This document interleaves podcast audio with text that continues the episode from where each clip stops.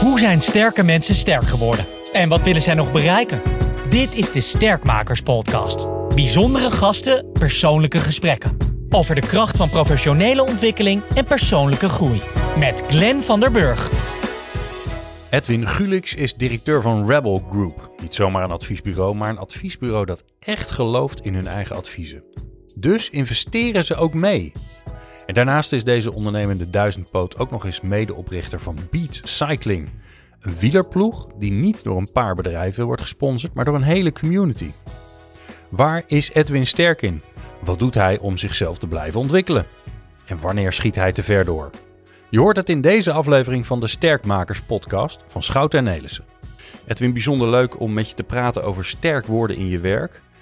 Ja, we gaan zo praten over wat je allemaal aan het doen bent uh, als ondernemende duizendpoot. Maar ik neem je eerst even helemaal terug naar eind jaren 70.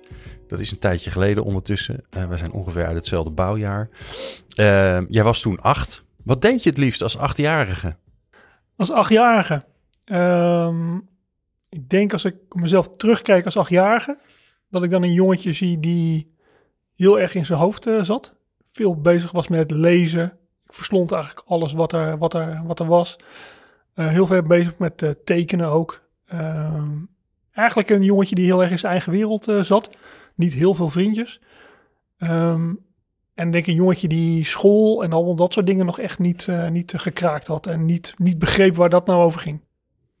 Maar heel erg in je hoofd. Maar, maar school, dat, dat, wat het grappig is dat je dan zou kunnen zeggen... Nou, dus op school uh, kan je dat mooi allemaal gebruiken. Maar jij zat in een soort, in een soort eigen fantasiewereld. Uh, uh, daar was je in ondergedompeld.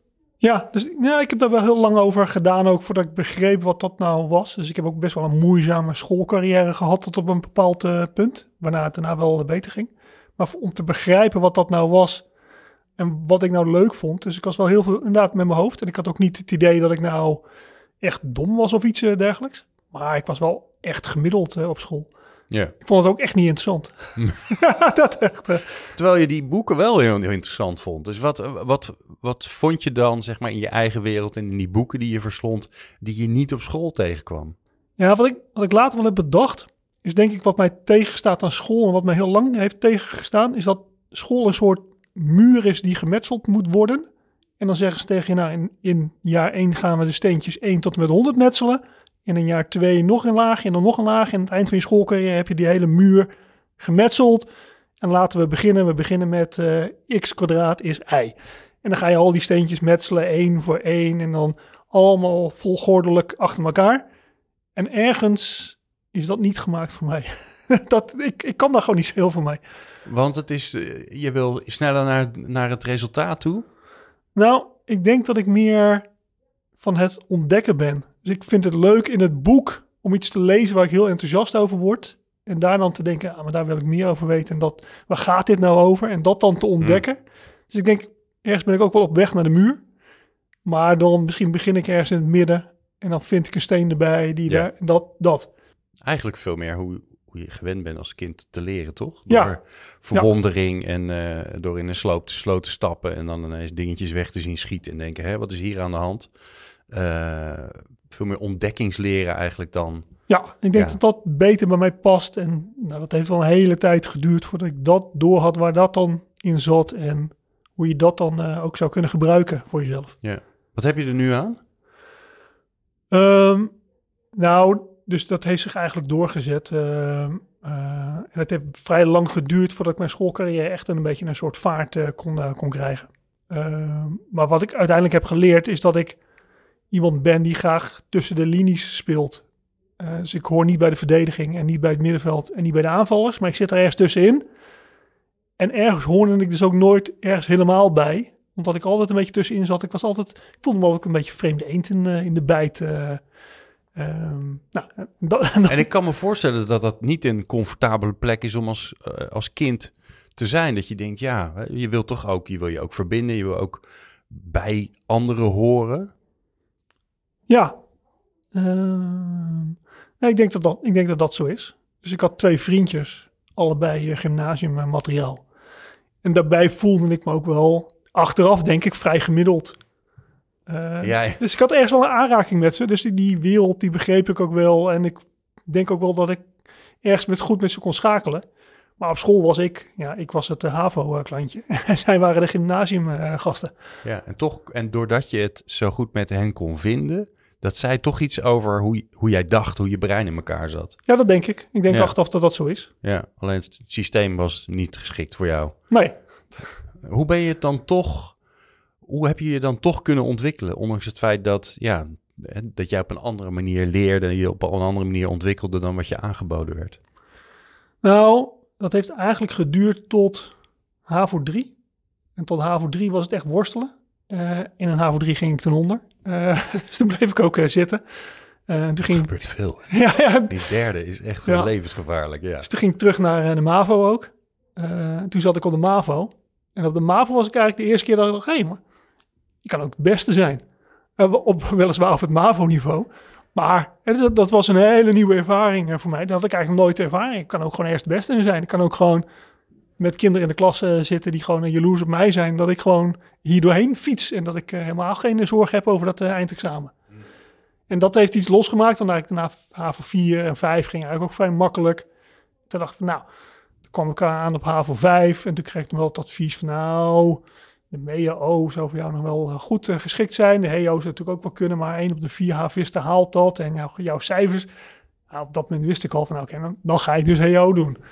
Hè? dus dat, Dat, dat ben je gaan doen na de HAVO. ja, dus ben ik na de HAVO naar het eh, HBO eh, gegaan. Eh, dus daar heb ik één jaar echt snoeihard gewerkt. Toen, kwam ik daar aan de Het school. eerste jaar. Ja, het eerste jaar dacht ik, ja shit, ik heb natuurlijk wel een grote mond gehad.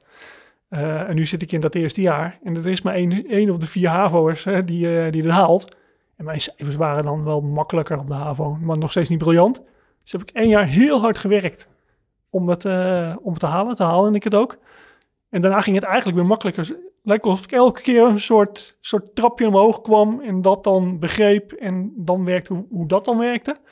Ehm, en op het eind van het HBO vond ik het eigenlijk ook makkelijk. Dus toen heb ik nog de universiteit eh, erachteraan eh, gedaan. En die vond ik op het eind eigenlijk ook weer makkelijk. Dus, dus ergens Wat zegt dat dan over jou? Want je kijkt er een soort van tegenaan. Als je er, als je er eh, middenin zit, dan is het, is het ingewikkeld. En als je aan het eind bent, denk je, "Mwah." Ja, dus ergens... Ja, of ik ben een slow starter. of ik heb gewoon de tijd nodig om iets mijn eigen te maken en op, het op mijn manier eh, te doen. Ehm, en, dat, en maar dat is denk ik wel, wat ik net ook zei, hè, tussen de linies spelen. Dus ik vind ook heel veel in dingen interessant. Ja, ja, dus je zoekt eigenlijk, hè, je, je zoekt ook, ook in die hele schoolcarrière, zoek je naar, je gaat erin. Vervolgens zoek je naar, oké, maar hoe, hoe, hoe past dit bij mij? In plaats van dat je gewoon maar doet wat er aangeboden wordt of wat iedereen doet. En op het moment dat je dat snapt en denkt, oké, dit is de manier waarop, me hier, waarop wat bij mij past en wat hier ook werkt, wat ook resultaat heeft, dan gaat het eigenlijk redelijk soepel. Ja, nee, ik denk dat dat, eh, ja, ik denk dat dat hem is. Dus die, op de middelbare school hadden we bij geschiedenisles hadden we het verhaal over de, de homo universalis. Het is de man die alles kan. Ehm, eh, en dat vond ik toch zo interessant. Dus iemand die met alles bezig is en dat dan ook gewoon goed kan. Hè, dus eh, de Leonardo, eh, da, Vinci, ja. eh, als het ultieme voorbeeld. En ergens past dat ook wel een beetje bij mij op mijn bescheiden niveau. Ehm, want na de universiteit ben ik nog een jaar entertainer geweest op Mallorca. Oké, en wat entertainde je dan? Ja, gewoon wat je precies wat je bij voorstelt. Dus in een hotel en dan eh, de avondcabaret en dan eh, de Tweety Club eh, met de kinderen en overdag het sporten, sporten Echt geven. waar, joh? Ja, Wauw. dus ergens dus dat, dat past dus bij mij. Dat constant dat andere dingen doen en dat toch ergens in een soort congruent verhaal wel aan jezelf kan kunnen vertellen dat het bij elkaar past. Maar dan wel enorm lopen zoeken, wat, wat is die plek dan voor mij? Ja. En hoe, hoe werkt dit dan? Want iedereen naar de universiteit die ging dan werken en die ging dan serieus doen. En dacht, nou, dat ga ik dan niet doen. Eh, maar hoe dat, hoe dat dan precies past, daar heb ik best lang over nagedacht. Hoe, hoe, hoe werkt dat dan? Dat ik dit allemaal interessant vind en dat ik eigenlijk net de andere keuze maak dan de rest. Welke rol spelen je ouders hierin? Dus wat heb je van ze, wat heb je van ze meegekregen? Ehm, nou, ik heb hele lieve, zorgzame, maar ook hele bescheiden ouders. Eh, mijn vader was schoenmaker, mijn moeder werkte bij de HEMA. En bij ons thuis was het heel erg van, eh, ja, doe maar gewoon. We kennen onze plek eh, in het leven en eh, we zijn ook heel tevreden. Dus dat is ook heel mooi.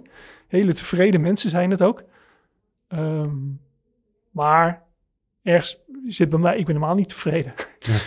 ik, ben, ik wil meer en ik wil ontdekken. En, eh, eh, dus ik heb heel veel van ze meegekregen. Maar dit heb ik ook van ze meegekregen. Dus, dus die, die worsteling van, ja, ik zou eigenlijk tevreden moeten zijn en dit zou het eigenlijk moeten zijn.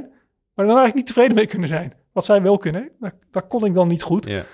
Ik dacht, ja, er moet meer zijn en er moet, het moet groter en het moet in elkaar passen. En nou, die hele zoektocht, daar, ja, Wat was het moment dat je kon gaan genieten van die zoektocht? Want ik kan me ook voorstellen dat het, dat het heel veel onrust en dat je hè, het er niet helemaal bij horen, dat toch elke keer net anders zijn, dat dat ook, ja, dat het ook soms tot een rotgevoel kan leiden. Dat je denkt, ja, wat, waarom nou eigenlijk? Ja, dus die. Ik denk dat dat bij mij ergens begin van mijn jaren 30 is eh, geweest. Ehm, dus waar ik in het begin heel erg op zoek was van waar is mijn plek nou en ben ik wel serieus en allemaal dat soort dingen, was ik in een soort baan terechtgekomen waar ik eigenlijk helemaal naar de andere kant was doorgeslagen. Ik eigenlijk gewoon veel beter wist dan de organisatie. En een soort ehm, een beetje mopperende eh, muppet eh, geworden was. Ik zat met een collega in een in een hok. En elke dag hadden wij het woord van de dag op het bord eh, staan. En er was altijd iets wat mis was binnen de organisatie. En wat wij vonden wat de organisatie dan echt helemaal verkeerd deed. En waar ze dan ook helemaal niks aan deden. Terwijl wij toch elke keer zeiden. En we hadden een heel bord met al onze observaties. Ehm, en ik denk achteraf dat al die observaties heel scherp waren. Ik denk dat we echt, wel- echt wel gelijk hadden. Ja. Maar dat hele spel van gelijk hebben en gelijk krijgen, daar snapte ik echt helemaal niks van. Dus, dat, dus ik had overal gelijk in, maar ik kreeg het echt helemaal van niemand. En toen ben ik eh, op een gegeven moment door iemand aangesproken binnen het bedrijf. En die zei van, joh, zou het voor jou nou niet handig zijn als je een soort coachingstraject eh, persoonlijke effectiviteit gaat doen? Oké. Nou, en een beetje mijn levensinstelling, nou, ik van alles leuk. Dus eh, Maar jij zegt gewoon ja. ja, kom maar op. Eh, Oké. dat vind ik dan ook leuk. Dus dan ben ik die, eh, ben ik die, ben ik die coaching gaan doen. Ehm, en ergens in die coachingsdagen kwamen wij bij de cirkel van 8 uit.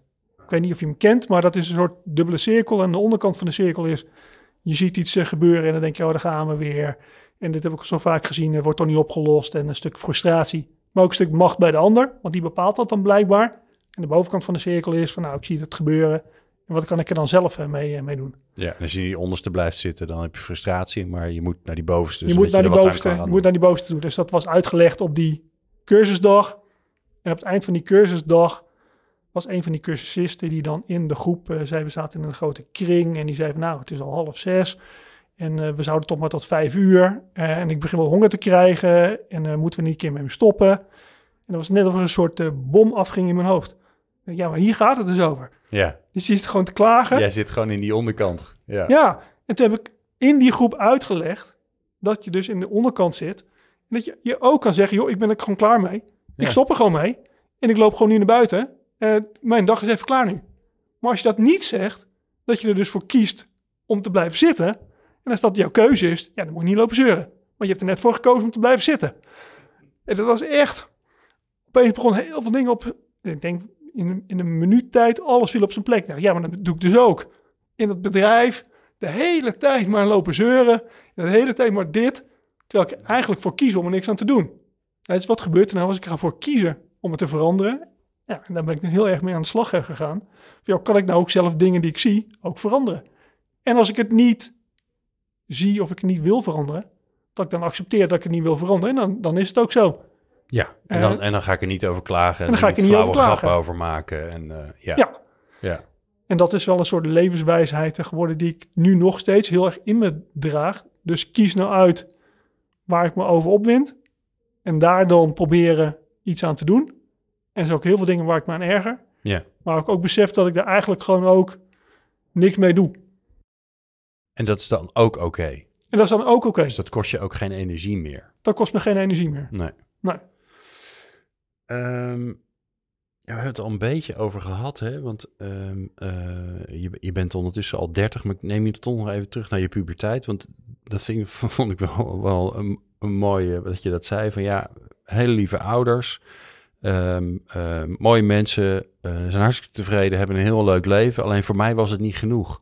Er is vast een moment in de puberteit geweest dat je, dat je daarvan los moest komen. Ja. Hoe gaat dat dan? Ja, dus ik ben, denk ik, rond mijn zestiende heb ik sport ontdekt. Dus ik ben eerst gaan eh, wielrennen en toen ging ik eh, wedstrijden wielrennen. Toen ben ik een keer heel hard gevallen in een uh, massasprint.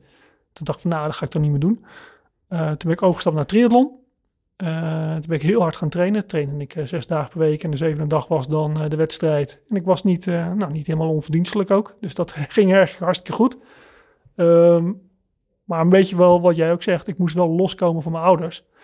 Dus ik ben op mijn achttiende uit huis gegaan. Toen ben ik dus het hbo gaan doen. En waar woonde je? Wij woonden in Middelburg. Oké. Dus ik had ook in Vlissingen het HBO kunnen gaan doen, maar ik had echt het gevoel, ik moet het in Breda doen. Dan kan ik ook echt uit huis en dan kan ik die stappen eh, maken. eh, en dan kan ik op eigen benen staan en dan, eh, nou, dan, kan, ik, dan kan ik verder. Ik denk dat dat het moment is geweest, toen stond ik ook op mezelf, toen stond ik er vanzelf voor. Ik denk dat dat het moment is geweest dat ik me heb losgemaakt en mijn eigen weg ben gegaan. Ja, mooi. Kan je nog een, een, een docent of een leraar herinneren? Het is natuurlijk ingewikkeld met, met jouw verhaal over hoe je nou op eh, hoe je bewogen hebt in het onderwijs. Was er een leraar die je wel heeft geraakt, die je wel kon pakken, waarvan je, die je bij is gebleven? Eh, nou, ik me eigenlijk maar één leraar herinneren, überhaupt. Nee. Dus, dus ik vind dat heel knap, die, al die mensen die dan al die oude leraren kunnen opleveren. Ik kan me eigenlijk alleen meneer Van Deurs eh, herinneren. Want? Ja, van statistiek. Dat vond ik toch zo'n fijne man.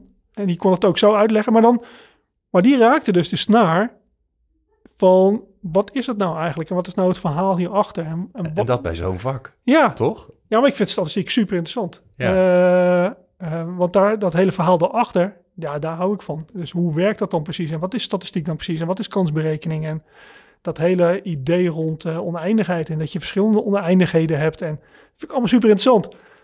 Maar wat was dat dan dat hij dat bij jou wel wist te triggeren, wat al die anderen dus niet is gelukt?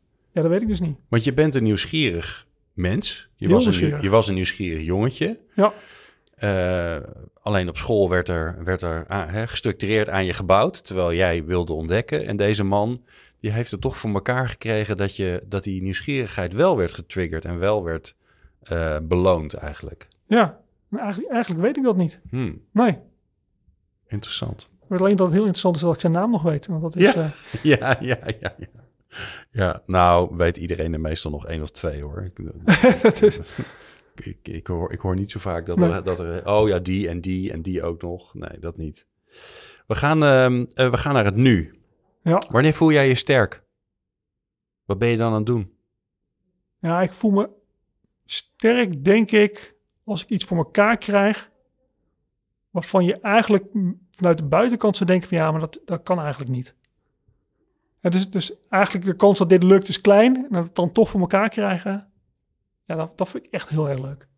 Oké, dus de uitdaging moet een beetje onmogelijk zijn. Ja, dus het moet echt complex zijn. En voelt dat voor jezelf dan ook onmogelijk?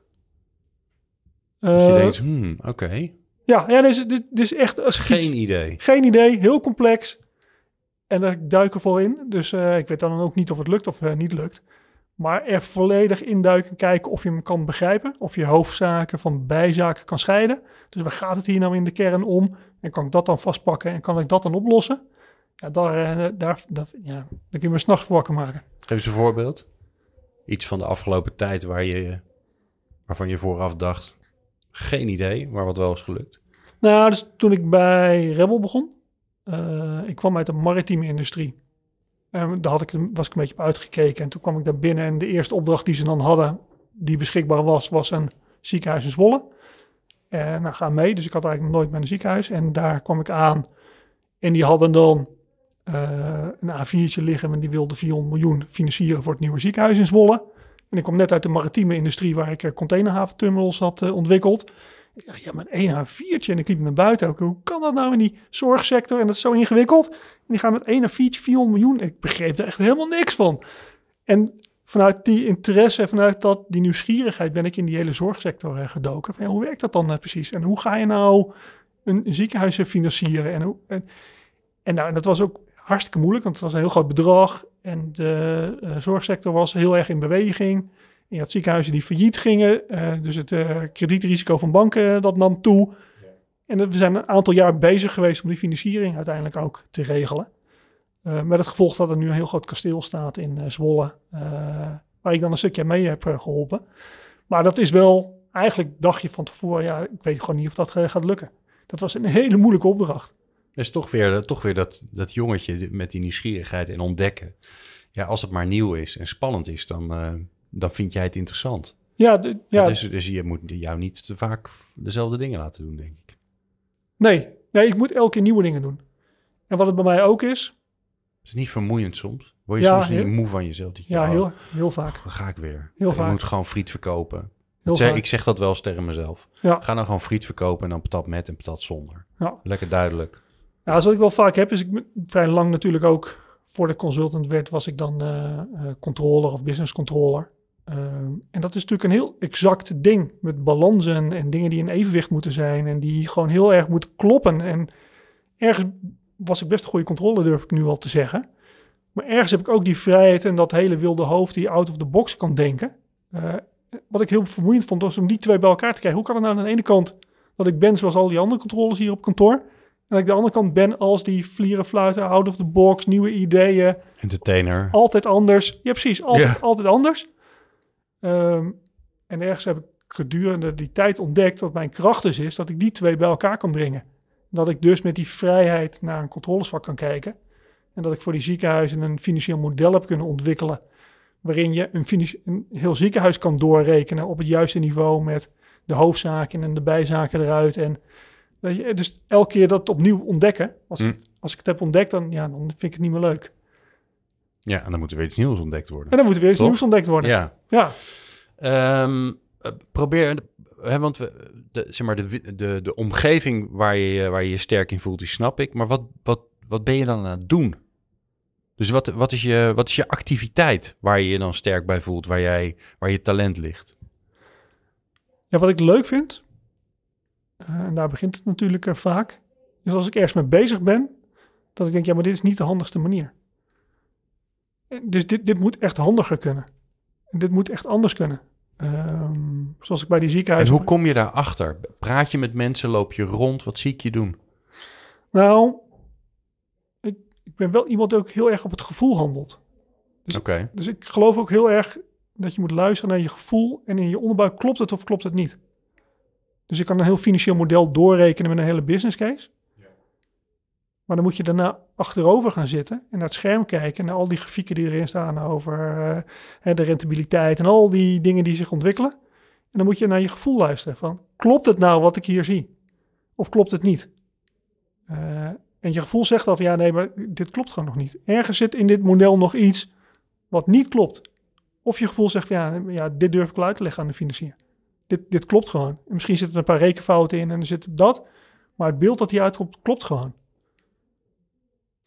Laten we eens even kijken of, we, eh, of wij geholpen kunnen worden in deze zoektocht naar eh, wat, is nou eigenlijk, wat is nou eigenlijk jouw talent. Daarvoor heb ik iets. Eh, dat is namelijk eh, eh, het kaartspel Spelen met Talenten. eh, van Axel de Rooij en Madeleine Lomans. En als je nu begint te schrijven, dat is niet nodig, want wij zorgen dat dat natuurlijk netjes in de show notes allemaal terechtkomt. Ehm, Het is een, best wel een dik kaartspel met allemaal, eh, allemaal kaarten. En op die kaarten staan allemaal vragen. Dus ik ga er gewoon random een uithalen. Ik hoop dat, en dan gaan we het aan de serendipity overlaten of het, of het past bij ons gesprek. Leuk. Nou, dan gaan we hoor, Edwin. Even kijken een beetje eh, hoe het voelt. Ja, hier zit hij. Dit is hem. Oh, dat is een hele lange. Oh, dat is grappig. Eh, ik denk dat je hem uit je hoofd gaat doen. Bekijk de contacten in je telefoon. Dat zijn er nogal wat, denk ik. ik bij mij Ja. zit er al een paar duizend in, volgens mij. Wie kan jou helpen bij het realiseren van je doelen? Maak volgende week een afspraak met een persoon. Spreek je bespreek je doelen en de manier waarop deze te bereiken. Dus een actiekaart noemen ze dit. Ehm, ik ga me een beetje verdraaien. Eh, wie zou jij, als je het eh, niet meer weet, wie bel je dan? Om, om te sparren, om tegen te praten, om even te zeggen van, joh, ik ben even, ik ben even kwijt. Ehm, dat is een hele goeie. Ehm, ik denk dat dat een aantal mensen zijn. Ehm, maar iemand die heel belangrijk voor mij is, is een collega bij Rebel. Eh, een van de oprichters ook. Eh, en als ik daarbij kom, Eh, en wij zitten aan tafel. Die kan mij wel snoeihard feedback geven over wat ik goed doe en wat ik niet goed doe. Ehm, en die kan me wel die spiegel voorhouden en me even een zetje geven. Van joh, daar ben je goed mee bezig. Maar dat moet je gewoon niet meer doen. En die, die is belangrijk. herinnert hij, kent hij jou zo goed dat hij ook weet, je hebt één of twee valkuilen en eigenlijk komt het altijd weer op hetzelfde neer. Want vaak is dat toch zo? Ja, nee, dat, dat, dat denk ik. Ja. Ja. En wel- wel- welke valkuil ga jij elke keer weer in? Maar een valkuil is dat ik dingen te veel bij mezelf hou. En dat ik het zelf probeer op te lossen. Ehm, en dat ik, dat ik denk dat ik er alleen voor sta. Terwijl er eigenlijk een veel groter team is die mij veel harder wil helpen dan ik vaak eh, durf eh, toe te geven. Hm. Is dat nog een ingewikkelde beweging voor je? Want je eh, beeld wat je schetst als de, de kleine Edwin in zijn eigen hoofd, in een eigen wereld, tussen die linies, nooit ergens ook een beetje niet echt bij willen horen, omdat je, ja, omdat je toch ook wil afwijken, omdat je toch je eigen ding ervan wil maken. Eh, maar ja, dat samenwerken is natuurlijk ook nodig. Ja, nee, dus dat is... d- dit is een hardnekkige valkuil. En die zit vaak op het strategisch niveau... als ik echt met iets groots bezig ben. Wat ik wel heel leuk vind, is om in een team samen te werken. Eh, en waar ik echt heel gelukkig van word. Als teamleden harder gaan lopen dan ik zelf kan lopen.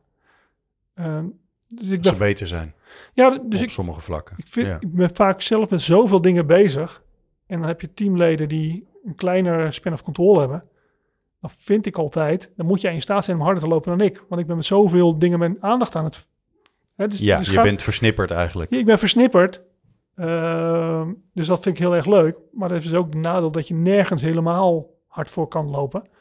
Ehm, dus ik word heel gelukkig als mensen mij een stap voor zijn. En mij bellen van, joh, maar we zijn toch met dat project bezig en denk je daar nog even aan? Ja. En dan denk ik, ja, da- daar word ik gelukkig van, want dan, dan gaat het team heel erg eh, goed. Maar, maar daar heb ik het niet over met mijn valkuil. Mijn valkuil zit er veel meer over in dat bedenken en het eh, vormgeven eh, van, van waar we heen willen. En dan blijf je te veel bij jezelf in je kokonnetje. Ja, Terwijl je, als ik niet oppas. Ja. Dus ik Ja. ben inmiddels oud genoeg als je Ja. vanuit begin jaren 70 bent om te weten dat dit je valkuil is. ja, Ja, maar het is, maar het is je valkuil omdat je er af en toe toch weer met beide benen in het tuint. ja. En wat is dan de andere kant? Want waarom is het dan ook je kracht? Nou, de kracht van mij is dus dat ik wel echt vaart kan maken en echt out of the box eh, kan denken. En ook wel eh, binnen de projecten die ik doe, even eh, de onruststoker kan zijn. Eh, dus Oké. ik- Dus ik denk ook niet dat het leuk is met mij samen te werken. En dan gaat het net lekker in een team. En dan ga ik weer zeggen dat het niet, niet goed is en dat het beter kan. En komt er toch weer wat onrust. Van ja, we hadden net zo'n lekkere werkmethode met elkaar. Eh, Dan komt hij weer. en dan komt hij weer. En dan moet het toch weer anders. En dan moet het toch weer overhoop. En een beetje onrust erin. Ja. Eh, maar wel omdat ik zie, ja, maar het kan beter. En het, we zijn pas halverwege. En het, het, moet, het moet naar een hoger niveau. En dus die, die, die cirkel van wat onrust stoken en het naar een hoger niveau krijgen. Dat dan weer vastpakken. En dat dan daar verankeren. Ja, die vind ik heel erg leuk. Betekent dat dan ook dat je soms gewoon een tijdje weg moet blijven? Want als je elke keer de boel overhoop gooit, Ja, nee, dus, er moet ook soms gewoon gewerkt worden. ja, dus ik heb wel geleerd dat ik het af en toe enorm helpt als ik me er even niet mee bemoei. En dat de dingen die goed lopen, waar ik dan niet zo'n grote mening over heb, laat dat dan ook maar. Dan moet ik me ook even niet mee bemoeien. Ja. Dus ik vind ook dingen leuk tot het uitontwikkeld is. En dan moeten echt andere mensen het overnemen.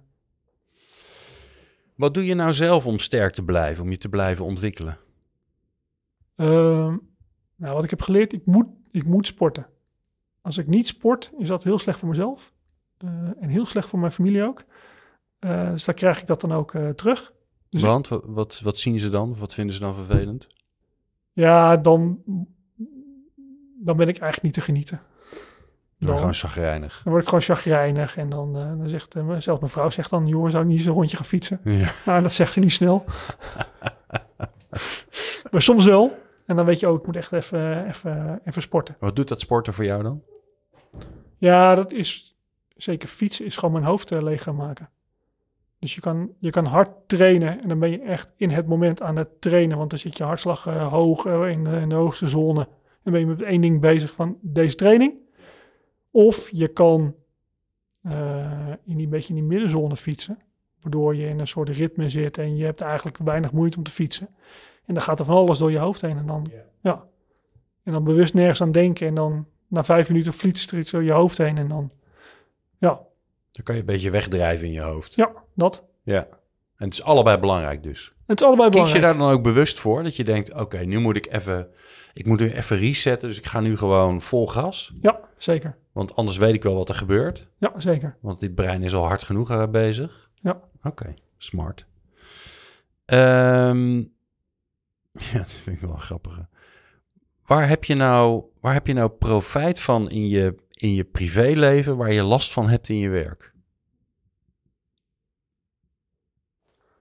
Ik zou hem bijna willen omdraaien. Maar dat mag ook. Ja, ja dat mag ook. Ja, Ja. dus wat ik ingewikkeld eh, vind, eh, maar waar ik langzaam ook wel een beetje een soort oplossing voor vind, is dat het eh, verschillende platforms er zijn. En als mijn werk heel goed gaat, dan schiet mijn eh, privé-platform een beetje in, in de brand. Dan moet ik die gaan blussen. Eh, en eigenlijk werkt die ook net, net andersom. Dus ik vind, het- het is ook constant die zoektocht, hoe passen die twee nou het best bij elkaar? ja. Dus die balans is gewoon ingewikkeld. Die, is, eh, ja, die, is vaak inge- die vind ik vaak ingewikkeld. En wat zegt het dan over jou dat het ingewikkeld is? Nou, dat ik nogal een. eh, ik kan nogal fanatiek eh, zijn in dingen ook. Ja, ja. Ja, dus als ik me iets voorneem, dan ga ik er ook echt voor. Dus ik ben nu met dat wielerproject bezig. Daar ben ik al vijf jaar echt volledig voor aan het gaan. Maar dat, dat schuurt wel eens met eh, de thuissituatie. Ja. Ja. Ja, het is weer een kracht van je natuurlijk, hè? Dat je, dat je, dat je gepassioneerd bent, dat je focus hebt, dat je doorzetter bent. Hè? Want je bent inderdaad al heel lang, of heel lang, lang met dat, voor, voor mijn gevoel. Ik vind vijf jaar namelijk lang. ik ben- ook. Ik ben er al op korte termijn. Maar ehm, eh, dat je lang met zo'n project bezig bent en gewoon maar doorgaat. Ja. Terwijl, ja, er zijn genoeg redenen geweest, ongetwijfeld, om te denken, nou, dat gaat hem niet worden. Ja, nee, dus dat. eh, ja, dus ik heb echt mijn zin opgezet om hier succes van te maken. We zijn vijf jaar bezig. En je zegt wel eens, als ik achteraf had, eh, als ik nu had, eh, als ik aan het begin had geweten wat ik nu weet, weet ik niet of ik eraan was eh, begonnen. Want het is echt een, echt een lang, lang traject met een, heel veel uitdagingen. Eh, iets heel nieuws neerzetten in de wielersport, wat nog niemand heeft gedaan. En dat dan toch elke keer weer een stapje voor stapje werkelijkheid zien worden. Ja, dat. ik denk dat dat wel een kracht voor mij is om daarin door te blijven bijten. Het gekke is natuurlijk dat je, je bent ook je eigen frustratie aan het organiseren. En want jij wil dingen doen waarvan je zelf denkt, niet weet hoe je het voor elkaar gaat krijgen, waarvan de buitenwereld zegt, nou, ja, dat gaat niet, gaat, dat is veel te ingewikkeld, gaat niet lukken. Dat vind je mooi om te doen. Ehm, maar terwijl je het aan het doen bent, zeker aan, aan, aan het begin of eh, in alle dalen die er zijn, ja, dat, is, dat, dat leidt ook tot irritatie, frustratie, dat je denkt, ik weet het allemaal niet. Dus een soort gekke, zit iets gek tegenstrijdigs zit erin bijna. Ja, dus in mijn werk vind ik dat niet erg. Dus als het tegen zit, vind ik dat leuk. En dan ga ik daar dan weer met nieuwe energie om te kijken hoe krijgen we die gekraakt. Ehm, maar ik heb eigenlijk mijn vrouw nodig als een soort thermometer om mij ook af te remmen. Eh, dus daar mag ik wel in mijn handjes mee knijpen, dat ik dat thuis heb. Dus ik heb vorig jaar, in de coronatijd, dacht ik, nou, wat wel leuk zou zijn, is als je een jaar lang gaat fietsen. Dus elke dag minimaal 25 kilometer, geen rustdagen en een heel jaar lang. Dus dat heb ik, eh, heb ik gedaan ook. En dan ga ik er ook mee door. En toen was het augustus vorig jaar. Ehm, toen dacht ik, nou, ik heb er nu 365 dagen op zitten. Maar als het dan doorgaat tot het eind van het jaar, dan heb ik ook nog een volledig kalenderjaar gefietst. Dan heb ik en een jaar en een volledig kalenderjaar. Nou, ik heb dat heel voorzichtig aan thuis gepitcht. Ja. Nou, dat was echt eh, binnen een minuut van tafel af. Mijn vrouw zei, nou, ik heb een jaar lang heb ik het toegestaan, maar nu ben ik ben er gewoon helemaal klaar mee. Eh, en ik heb ergens heb ik dat dan weer nodig, omdat ik, oh ja, nou, dat is natuurlijk ook wel zo. Ik ben een jaar lang aan het fietsen geweest, dus het is een uur fietsen en je moet een beetje omkleden en douchen achteraf, dus je bent er twee uur per dag mee bezig. Ja, dat heb ik dan een jaar lang gekregen van mijn familie. Maar ergens moet het dan ook een keer ophouden. En waarom is het dan, waarom vind je het fijn dat dat gebeurt? Want ik kan me ook voorstellen dat je denkt, ja, het houdt me tegen in de plannetjes die ik heb. Hè, ik zit in mijn eigen wereldje, ik wil dat lekker doen. En de thuisfront gaat dan een beetje aan je trekken en zegt, ja, hou even Edwin, kom op. Ja, ik heb dat dus Maar, je, hebt, maar, je, maar je, je, je ogen, terwijl je Ja. het vertelt, stralen je ogen. Je denkt, ik mag in mijn handjes knijpen dat ik zo'n vrouw heb. Ja, dat is ook zo. Want wat, wat, Wat voorkomt ze daarmee?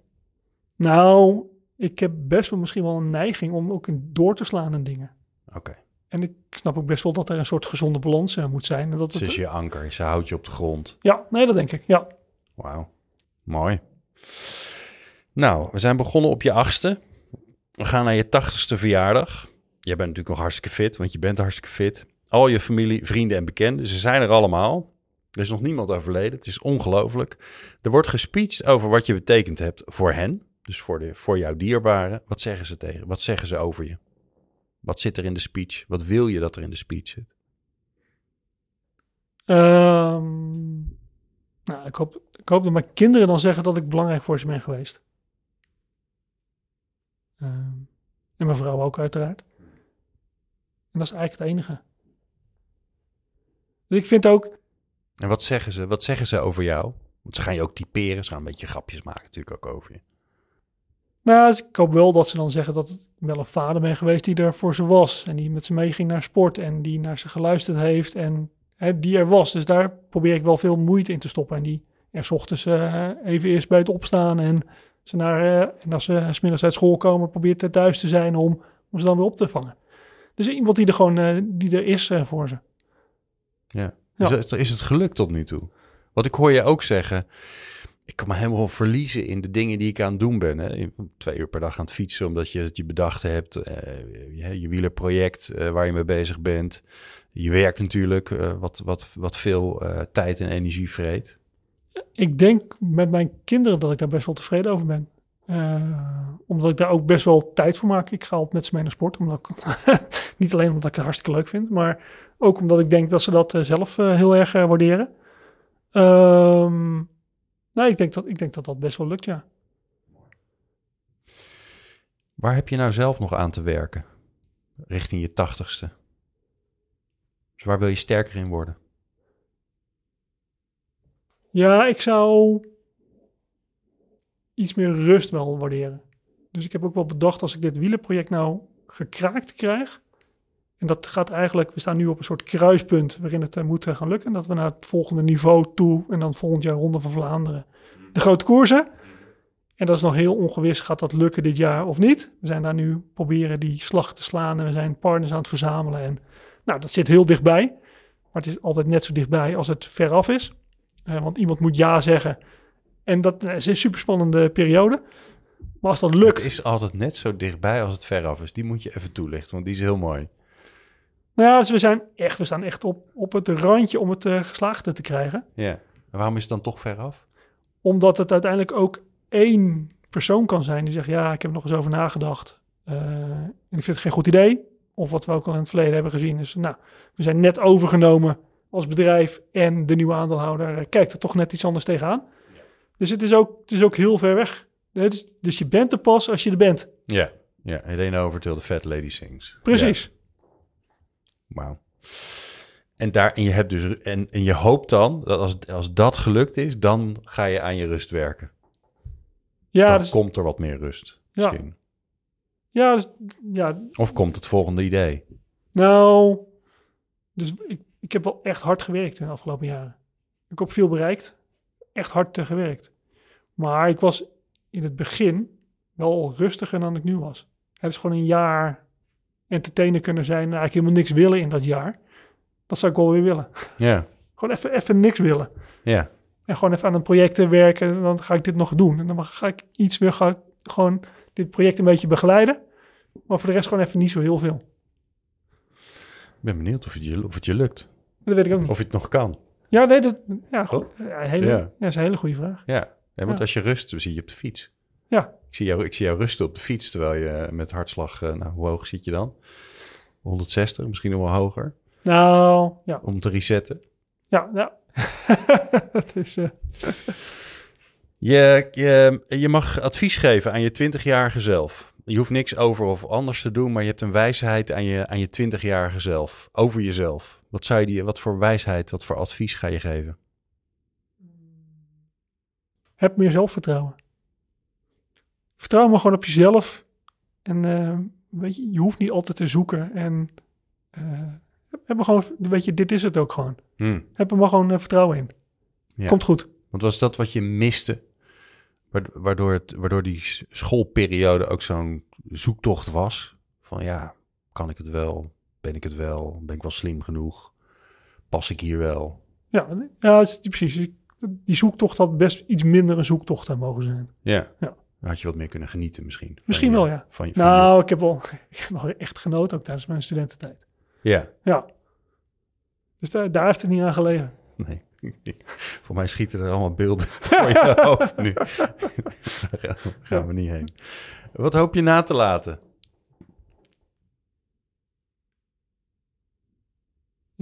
Eigenlijk niks. Dus ik, waar ik me over verbaas is mensen die daar hele verhalen bij hebben. Maar als je nou kijkt naar je eigen familie.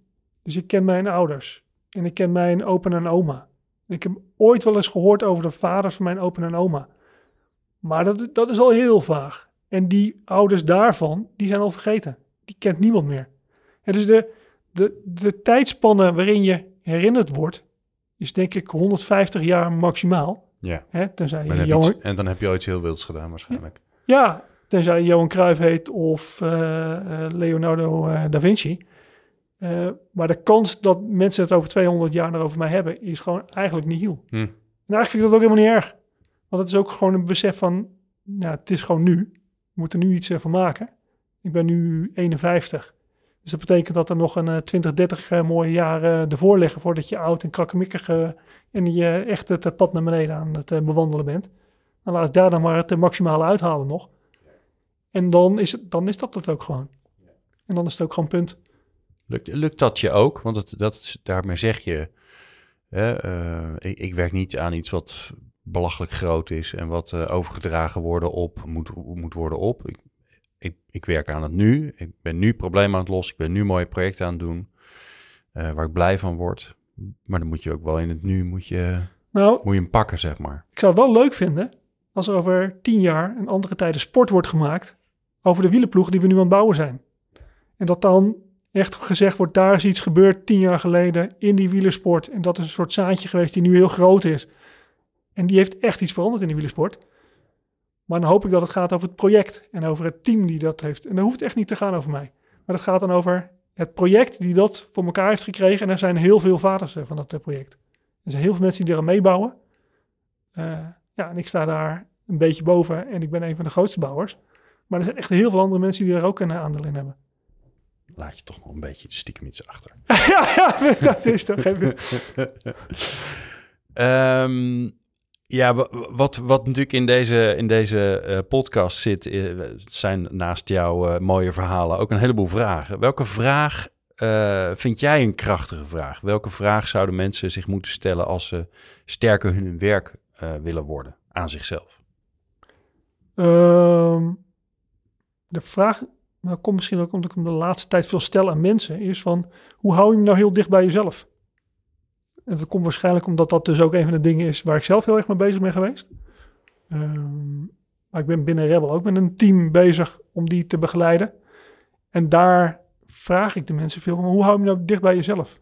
Dus ja, we hebben allerlei problemen binnen het team. En hoe gaan we die oplossen? Hoe hou je nou dicht bij jezelf? Hoe ga je nou zelf die stap ook maken? En wat is dan jouw aandeel in de oplossing? Daarmee hoor ik je eigenlijk ook zeggen, ga, eh, ga een beetje af van de wereld de schuld geven of kletsen over collega's of allerlei dingen. Het enige wat je kan veranderen ben jezelf. Ja. Dus wat kan jij nou zelf doen? Wat kun jij zelf doen hieraan? Ja. En kies je er nou voor om er iets aan te doen en deel van de oplossing te zijn? Of blijf je deel van het probleem? Mooi. Ik vond het een leuk gesprek. Dankjewel. Edwin Gulix, eh, directeur van Rebel Groep. En natuurlijk initiatief, een van de initiatiefnemers, oprichters van Beat Cycling. Meer informatie daarover kun je natuurlijk vinden door even te googlen op Beat Cycling. En misschien denk je, nou, ik wil wel sponsor worden van deze fantastische wielerploeg. Eh, nou, dat kan niet echt, want je moet... eh, je Nee, je kan moet zeker klein wel sponsor worden. Zeker. Kleine, kleine sponsor moet je dan worden.